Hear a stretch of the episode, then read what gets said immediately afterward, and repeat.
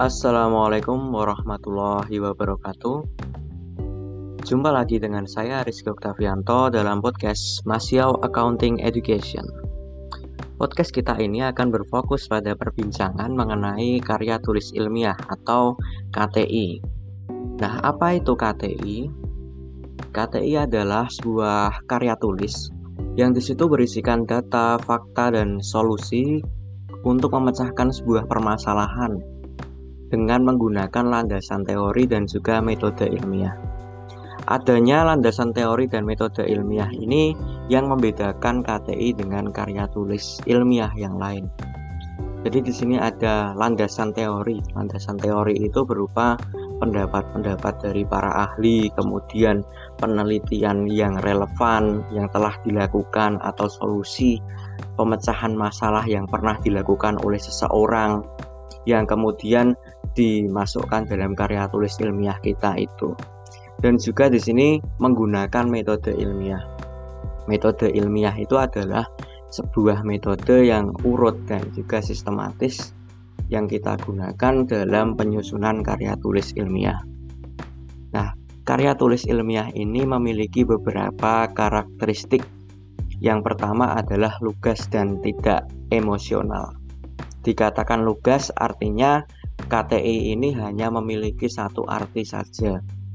Jadi ada batasan konsep, ada istilah yang dibatasi dan juga terikat pada variabel-variabel tertentu.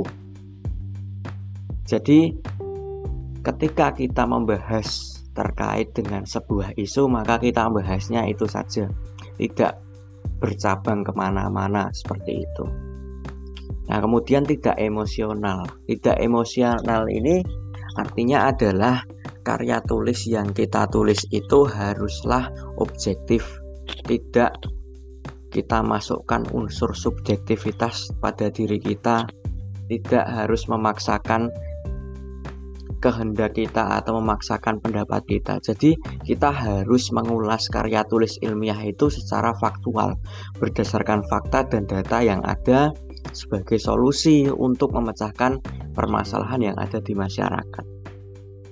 Yang kedua adalah logis. Karya tulis ilmiah itu harus disusun berdasarkan suatu urutan yang konsisten.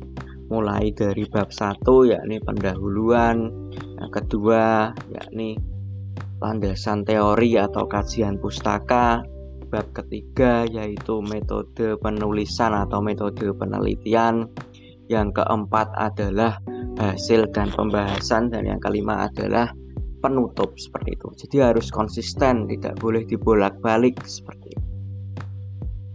Yang ketiga adalah efektif. KTI hendaknya menunjukkan artinya suatu kebulatan pikiran penekanan dan juga pengembangan.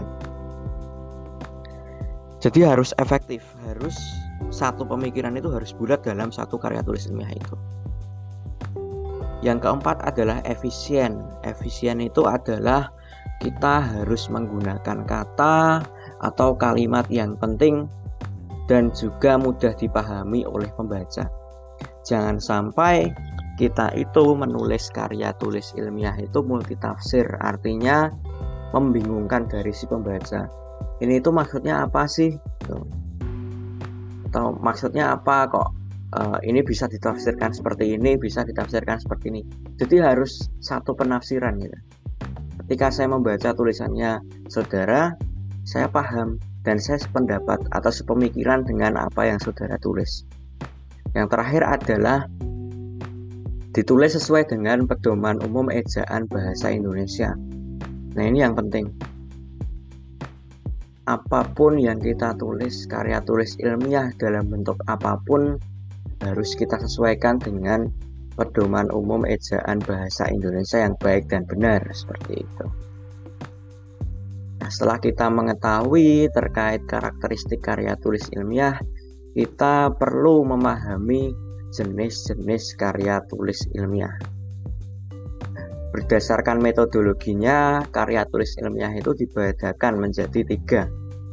Yang pertama adalah kuantitatif, yang kedua adalah kualitatif, yang ketiga adalah R&D atau Research and Development. Nah, KTI yang kuantitatif itu adalah karya tulis ilmiah yang mana datanya itu berbentuk angka dan dianalisis dengan statistik seperti itu. Misalnya kita meneliti terkait dengan pengaruh motivasi belajar terhadap hasil belajar. Nah, kita mengumpulkan data kepada responden berupa angket menggunakan skala Likert dari skala 1 sampai skala 5. Responden mengisi itu, datanya itu berupa nanti berupa angka-angka.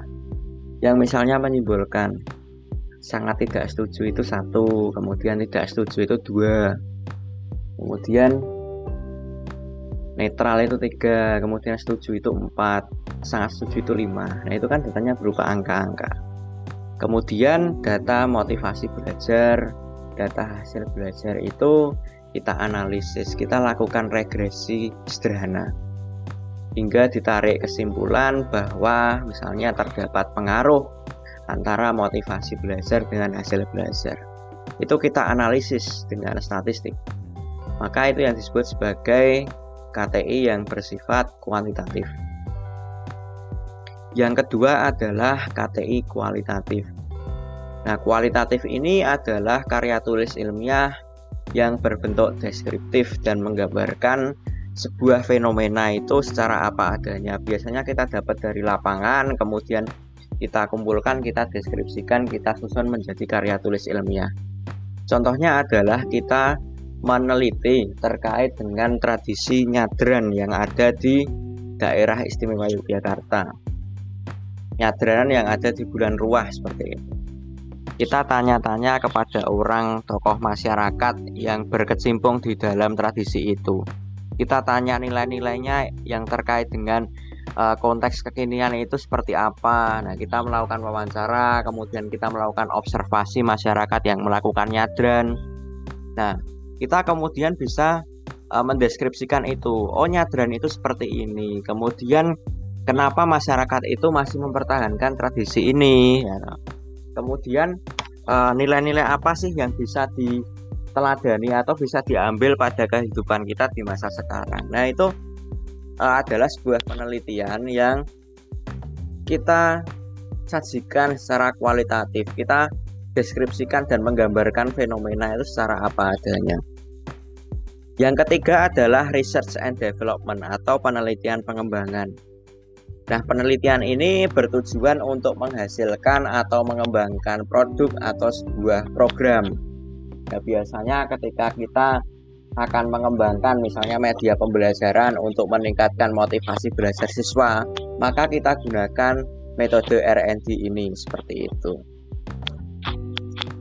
Nah, kemudian secara umum karya tulis ilmiah itu dibedakan menjadi dua, yakni penelitian dan non penelitian. Karya tulis ilmiah penelitian itu misalnya adalah karya tulis ilmiah yang berbentuk artikel jurnal penelitian ya. Kemudian skripsi, tesis dan disertasi itu merupakan bentuk penelitian.